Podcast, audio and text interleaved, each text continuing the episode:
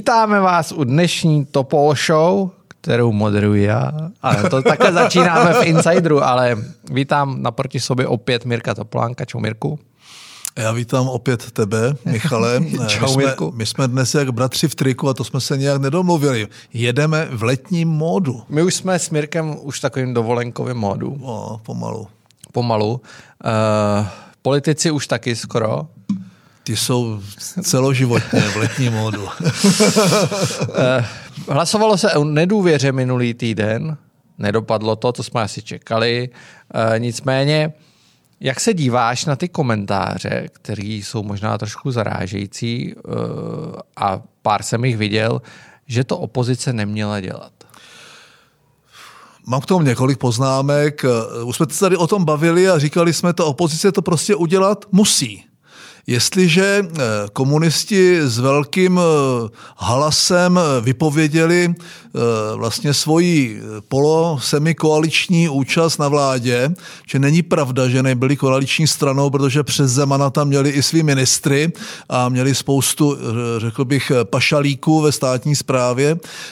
Takže jestliže ti komunisti vypověděli ten toleranční patent, i to ukazuje na ten smluvně opoziční polovládní status typu opoška, tak měl Babiš správně, a každý premiér na světě by to udělal, požádat o důvěru, aby se ukázalo, jestli ji má. A to vůbec neřeší to, kdo bude, kdo bude případně dál vládnout a jak ta vláda. Ale on tu důvěru ztratil.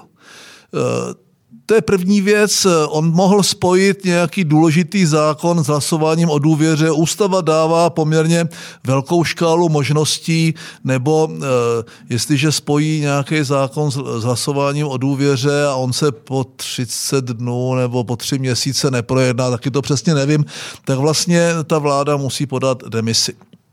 Jestliže to ten Babiš neudělal, že se vysmíval té opozici, tak té opozici, a ta je docela bizarní, ta op, má opozice má vlastní opozici v opozici a, a tváří se, že jsou v opozici SPD Okamura, přestože úplně není, to je vidět na jeho vlivu e, přes Zemana na sestavování rady České televize a další nejrůznější kauzy. E, jsou tam komunisti, kteří tu vládu svou dobu drželi a je tam podivná trikolora a, a do toho prostě ty ostatní opoziční strany Prostě hlasování o nedůvěře byla téměř povinnost. Jasně to říká i ta ústava, to znamená, jako hlasování o rozpuštění sněmovny byl trochu bizár, že to projít nemohlo ani náhodou, ale hlasování o nedůvěře správně projít mělo. Pokud by komunisti jenom neblafovali a nehráli komedii pro voliče a nesnažili se od toho Babiše jakoby těsně před A o co si myslíš, že ty komunisti bojují? Protože... Bojují uh... o voliče, bojují o voliče a přitom si uchovali ten smluvně opoziční vztah, včetně nejrůznějších výhod, života pašalíků a obchodu, které oni dělali dokonale a e, ještě za nás a možná do toho roku 2013 e, ti komunisti byli trochu při zemi, dalo se s nimi i dohodnout nějaké hlasování a dělali si svůj biznis a drželi si svoje PGRLF a, a nejrůznější úřady. E, teď tím samozřejmě tím, že Babiš vlastně resuscitoval, že je přitáhl do vlády vlastně jako první, eh, tak jim dal, tak jim narostly křídla a oni mají téměř, eh, téměř řekl bych retoricky, eh, kráčejí ve šlépějích velkých kormidelníků a mají ty stalinistické kidy, které předtím úplně neměli. Oni je sice měli, ale byla to jako trochu komedie.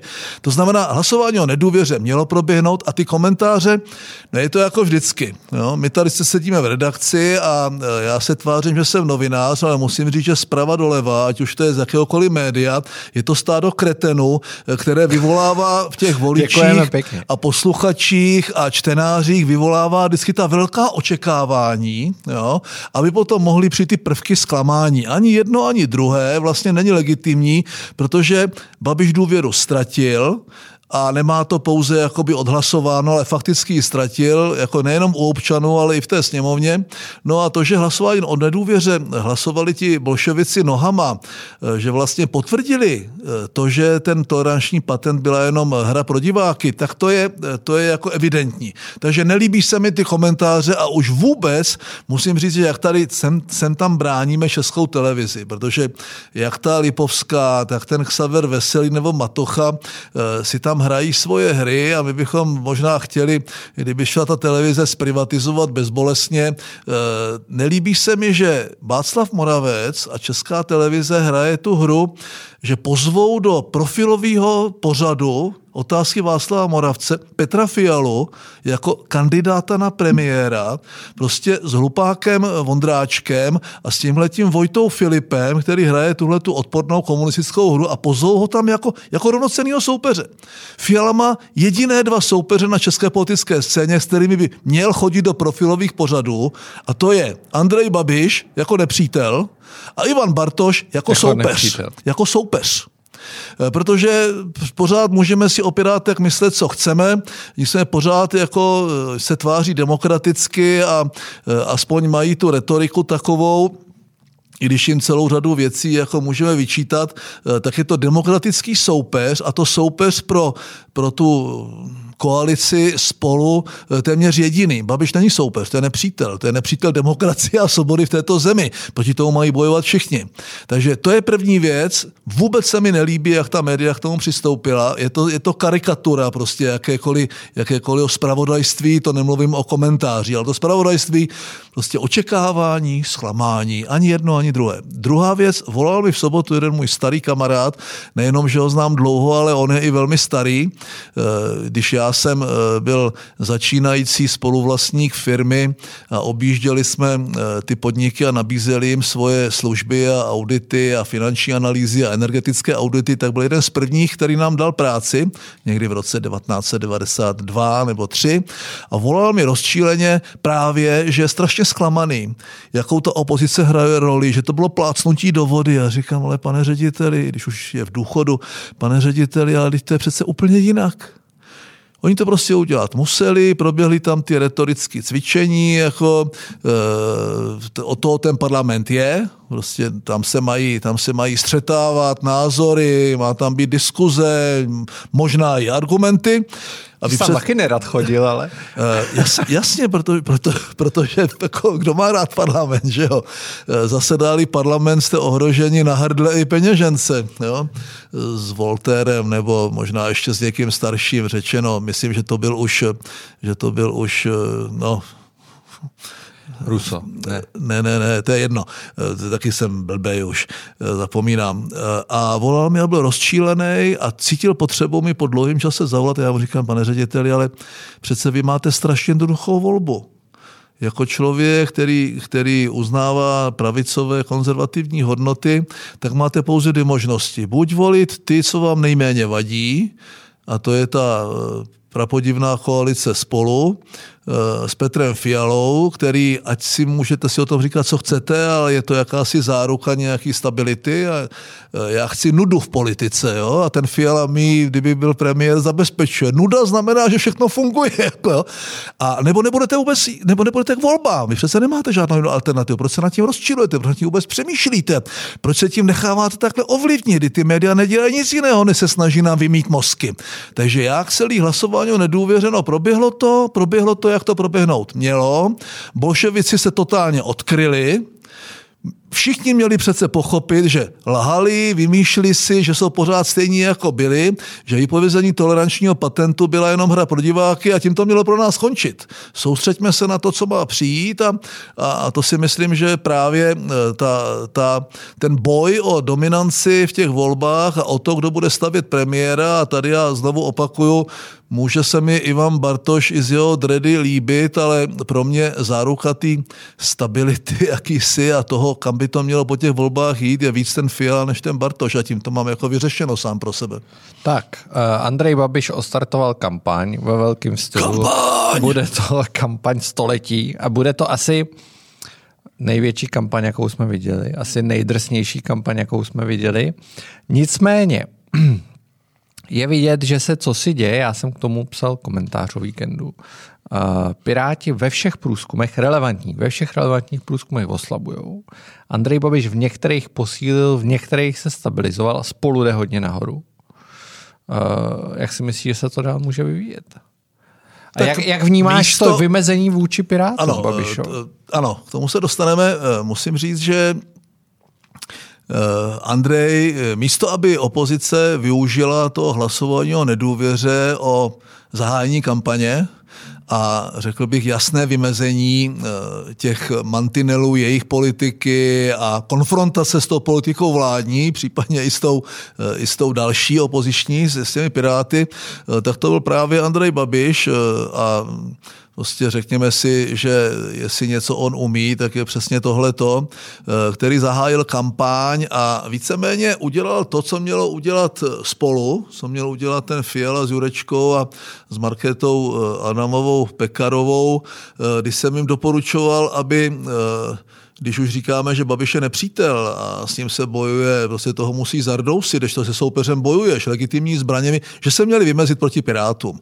To dneska dělá Babiš, dělá to chytře, určitě neloví eh, v těch vodách pirátských prostě pod tou černou vlajkou eh, neloví prostě v těch kategoriích a v těch decilech voličů, které dneska volí Piráty, ale tím vymezováním dělá to co jsme dělali s tím Jiřím Paroubkem, že jsme tou ostrou retorikou eh, jakoby jednoznačně rozdělili tu politickou scénu. Bylo to od, od lásky až po nenávist, kdy jsme vlastně vyluxovali tu pravici i levici. Babiš se o to pokouší nechceme tady žádný cizáky, používá až jako, on se potom omluvil, říká, Cizím, že, že se zase jako přeřekl, že všichni mu rozumí. Já jsem na Twitteru psal, Babiš je čudák, prosím vás, přeřekl jsem se a vy všichni rozumíte. Jako, jo. E, cizáci a nechci žádné sdílení, přestože ještě nedávno v knize O čem s ním, když náhodou nespím, nebo jak se to jmenovalo, ta blbost eh, psal jako naopak propagoval tyhle věci. Eh, ono dneska takzvané sdílení ve velké většině, většině je normální biznis. Eh, to s tím bolševickým sdílením naházeli prostě ti, ti, ti husité piráti, to freudovský přeřek, do těch kádí prostě ty šperky a sdíleli to, tak to si myslím, že to, to, to typické sdílení, tak jak je chápáno, takové to komunitní, zase tak takovým tak moc nefunguje, myslím, že jsme o tom i psali, eh, prostě eh, je to biznis. Takže Babiš využívá té situace, startuje to, Piráti na to nemají moc obranu, protože tím, jak postupně prezentovali už tak opatrné kompromisní návrhy eh, ve, svém programu, tak tím spoustu lidí naštvali. Dochází k tomu, co jsme víceméně předvídali a může to být tak, že dva se perou, třetí se směje, ale já si nemyslím, že, že může může spolu jakoby tu kampaň nějakým způsobem promlčet, že si musí najít toho soupeře a znovu opakuju, tím soupeřem není Babiš. Piráti. Jsou to Piráti. Zcela, zcela jasně. Co si myslíš o těch průzkumech? Ty průzkumy... Myslíš, že tam je vidět nějaký obrat nebo ne? Eh, myslím si, že Piráti eh, budou mít větší problém s tou koalicí, než bude mít nakonec poměrně ideově rozplizlé spolu od nějakého dneska už topka eh, s Pekarovou Adamovou se spíš blíží k tomu liberálnímu středu a lidovci vždycky byli spíš křesťansko-sociální strana, než, než ta křesťansko-demokratická unie, unie, ta odešla přece do topky a ODS dneska není nějaká hardcore nebo nějaká hard right strana, není to žádná tvrdá pravice, eh, protože ten stan, stan vlastně jakoby eh, ty piráty přece jenom posunuje, posunuje do středu, eh, oni Eh, začínají mlžit, eh, neříkají to jasné ano, ano, ne, ne, eh, nemají úplně, nemají dokonce odvahu některé ty své vize předvolební přednášet, protože okamžitě si všimli, že začali ztrácet, jakmile začali ty byty sdílet a když se mluvilo o daních, tak možná začnou ztrácet ty lidi, kteří si myslí, že jsou právě liberální, že ti piráti jsou to pravé ořechové, ale zjistili, že oni jsou liberální hodnotově a nikoli úplně ekonomicky. Eh, takže můžou začít ztrácet, eh, platí to, co jsme říkali, ten souboj zdaleka není rozhodnutý, ale vůbec není jasné a ten Babiš to tak bude hrát, prostě já vám dám testy do Chorvatska zdarma a pošlu ty vláčky roušky, budete u moře, všechny jsme proočkovali, jsme zase nejlepší prostě, my se fakt nejlepší. A ta Schillerová za ním mává takový to analogový PowerPoint, jo, za ním mává s tím, je to strašná komedie, prostě Hamáček má svoji Maláčovou, to si koulí těma očima a říká, oni nebudou mít na ty své botičky a oni jsou strašní, my musíme pomoct, jako a miliardy lítají a stovky miliard lítají. Takže Babiš bude mít drahou kampaň v řádu stovek miliard, e, to znamená, budou se předhánět s Maláčovou, e, jakoby kdo víc jakoby rozdá těm svým voličským skupinám, o které soutěží.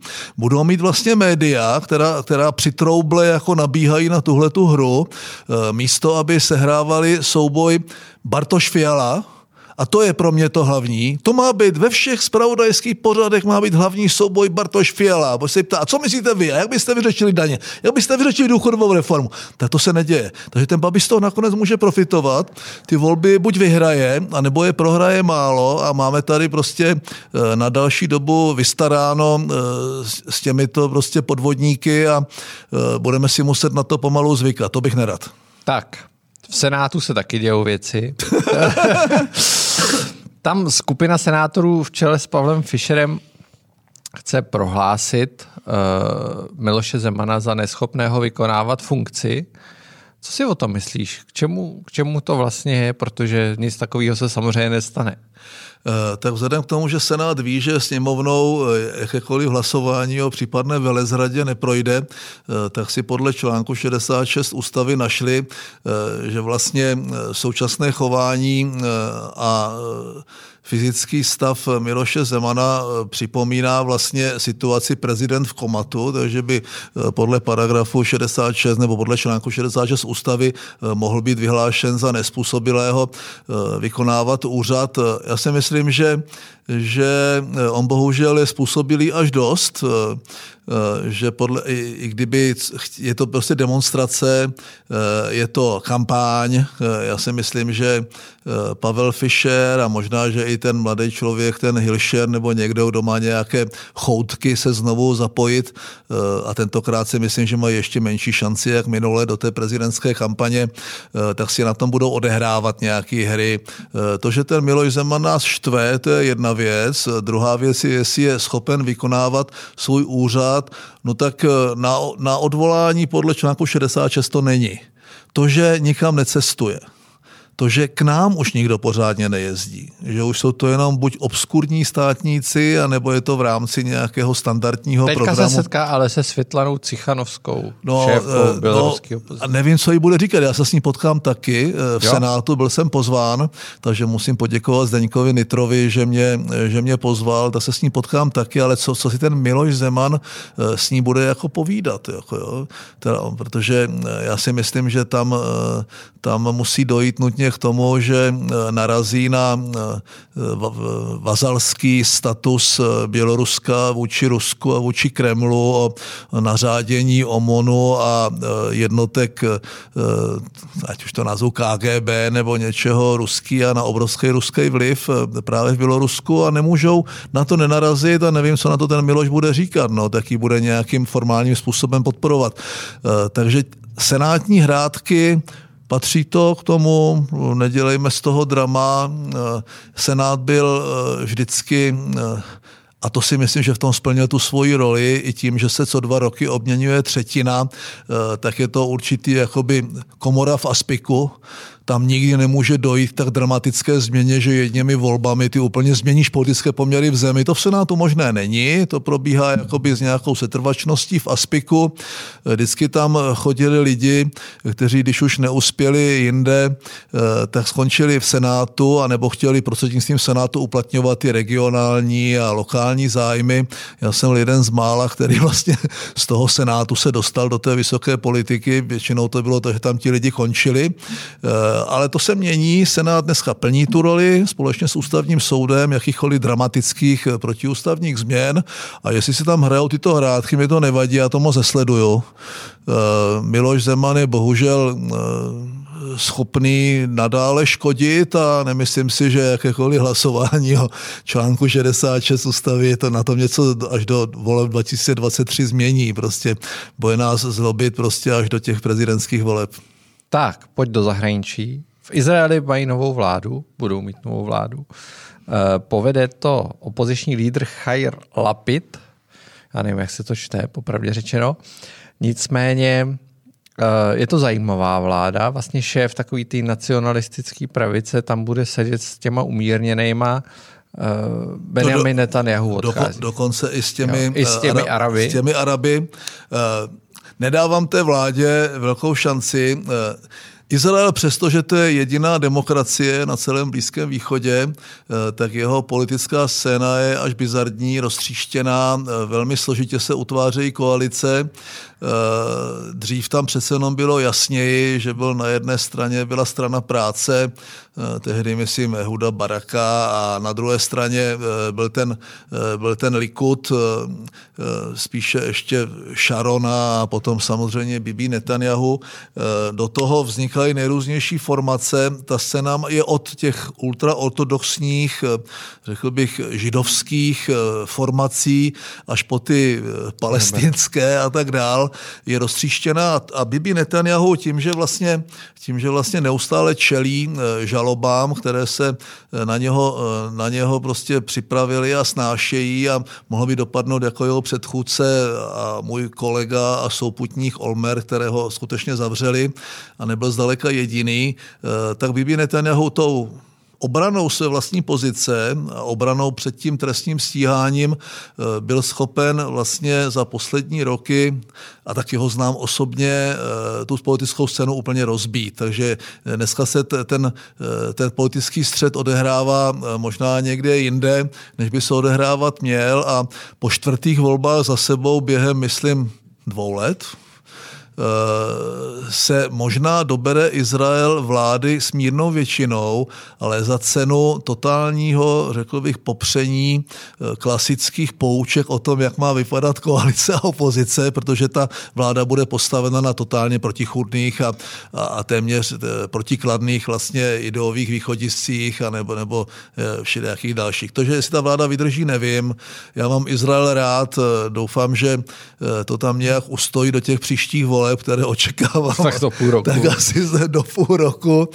E, nicméně může to znamenat eh, konec Bibi Netanyahu a e, může se e, odblokovat ta situace, a ne, že bych mu to přál, odblokovat ta, ta situace politická tím, že, e, že ho definitivně odejde z politiky, ať už teda ho zavřou nebo nezavřou, e, protože v dnešní době on jako osoba se stává překážkou e, nějaké rozumné dohody a je zřetelné, že když někdo, když někdo takovým způsobem, jako třeba Netanyahu a podobný je Babiš, brání tu svoji osobní pozici, ať už z hlediska trestního stíhání nebo nějakých obchodních zájmů, tak tím vlastně blokuje jakékoliv rozumné řešení politické v, v každé zemi. To nemusí být jenom Izrael, to je i Česká republika. Čína. Eh, Číně si připomínají, no, tak oni si to tam moc nepřipomínají, ale uplynulo 32 let od masakru na náměstí nebeského klidu Tianmen. Já jsem tam byl pět let zpátky. Je, vlastně nic se moc nezměnilo, protože celý to okolí je v podstatě jedna velká vojenská základna. A je vidět, že Čína se snaží ty zmínky čím dál tím víc mazat. Tak je třeba, je třeba si to připomenout. Číňani to berou uh tak asi jako Turci genocidu v Arménii a e, ně, ně, ně, jako byly někde prostě události tohoto typu, takového hromadného masakru.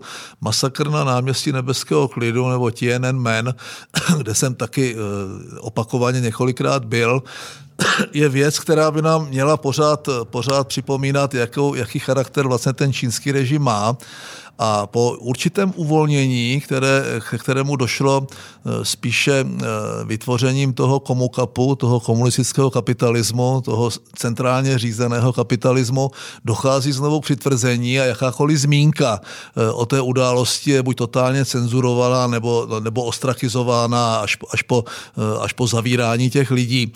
Když si připomeneme, ony ty bouře na tom náměstí trvaly zhruba 6 týdnů, začaly někdy kolem 15. dubna, ale vlastně vrcholily z toho 3. na 4. června, eh, kdy, eh, kdy vlastně byla vyhlášena tam ta demonstrace a to nebyli jenom studenti, byli to i, byli to i novináři a celá řada normálních lidí, dělníci, tam to neměl nějaký jakoby protikomunistický štych, tam se mluvilo o demokratizaci a byli tam někteří nalevo od té komunistické strany Číny.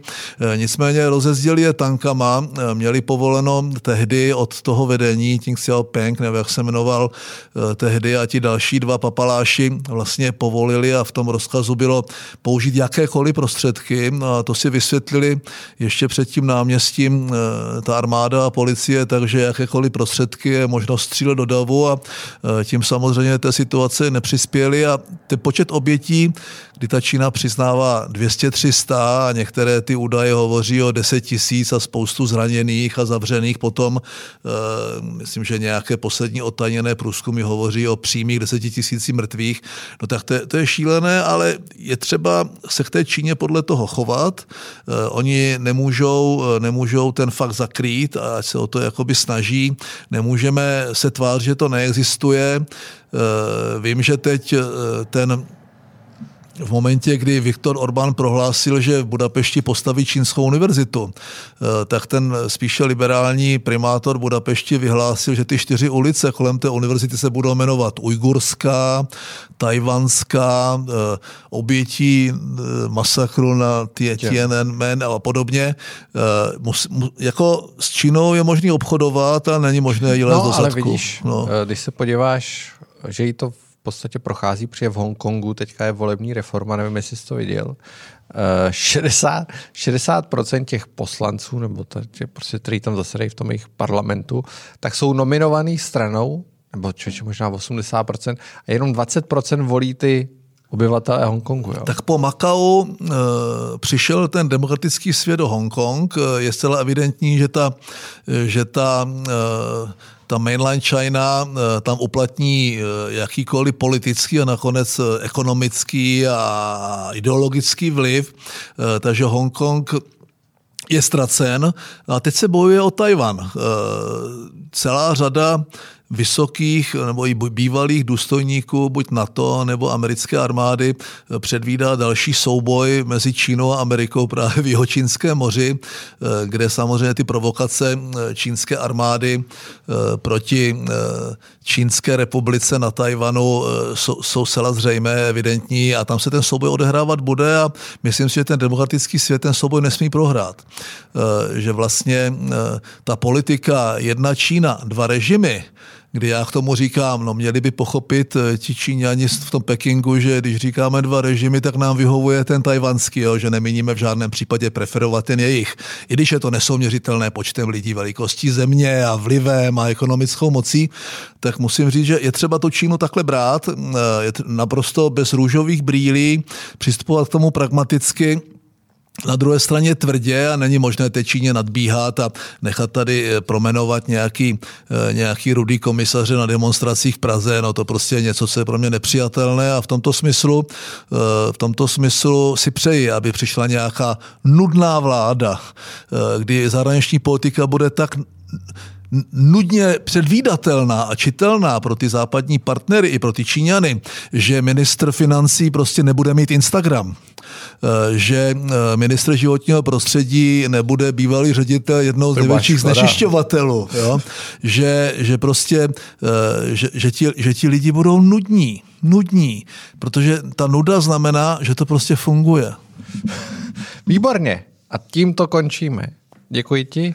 Takže na koupaliště, jdeme na, jdeme, jdeme, na, koupali, koupaliště. jdeme na koupaliště. A já vlastně nevím, jestli se ještě hlasuje v podcastu roku, už se nehlasuje, tak asi, asi jsme nevyhráli. Jsme? Já nevím. No, nevím. Asi, asi, Každopádně vám děkujem všem, kteří pro nás hlasovali, protože jich nebylo málo, co jsme aspoň tak viděli na sítích. Ale pište nám dál na topolshow zavináč info.cz a dívejte se na Michala a na CNN Prima, pondělí a úterý 2015. A poslouchejte Insider, no. protože můžu říct, to tam vlastně teďka bude, já to asi nemůžu říct. A můžu to říct, já to řeknu, to je jedno. To já nevím. Víš, že tam bude? No počkej, ne v Insideru, myslíš jako Ale v CNN? ne, v CNN bude dneska Petr Nečas, zítra tam bude tvůj oblíbený Andrej Babiš, podle všeho. A ve středu vyjde Insider a tam bude Hanna Lipovská. no jste strašní konjunkturalisti. No. Dobrý, tak my budeme tady u nás v Ale my tady Show, budem. nebudeme konjunkturalisti a půjdeme do nich znovu opět a opakovaně tvrdě. Tak, mějte se pěkně.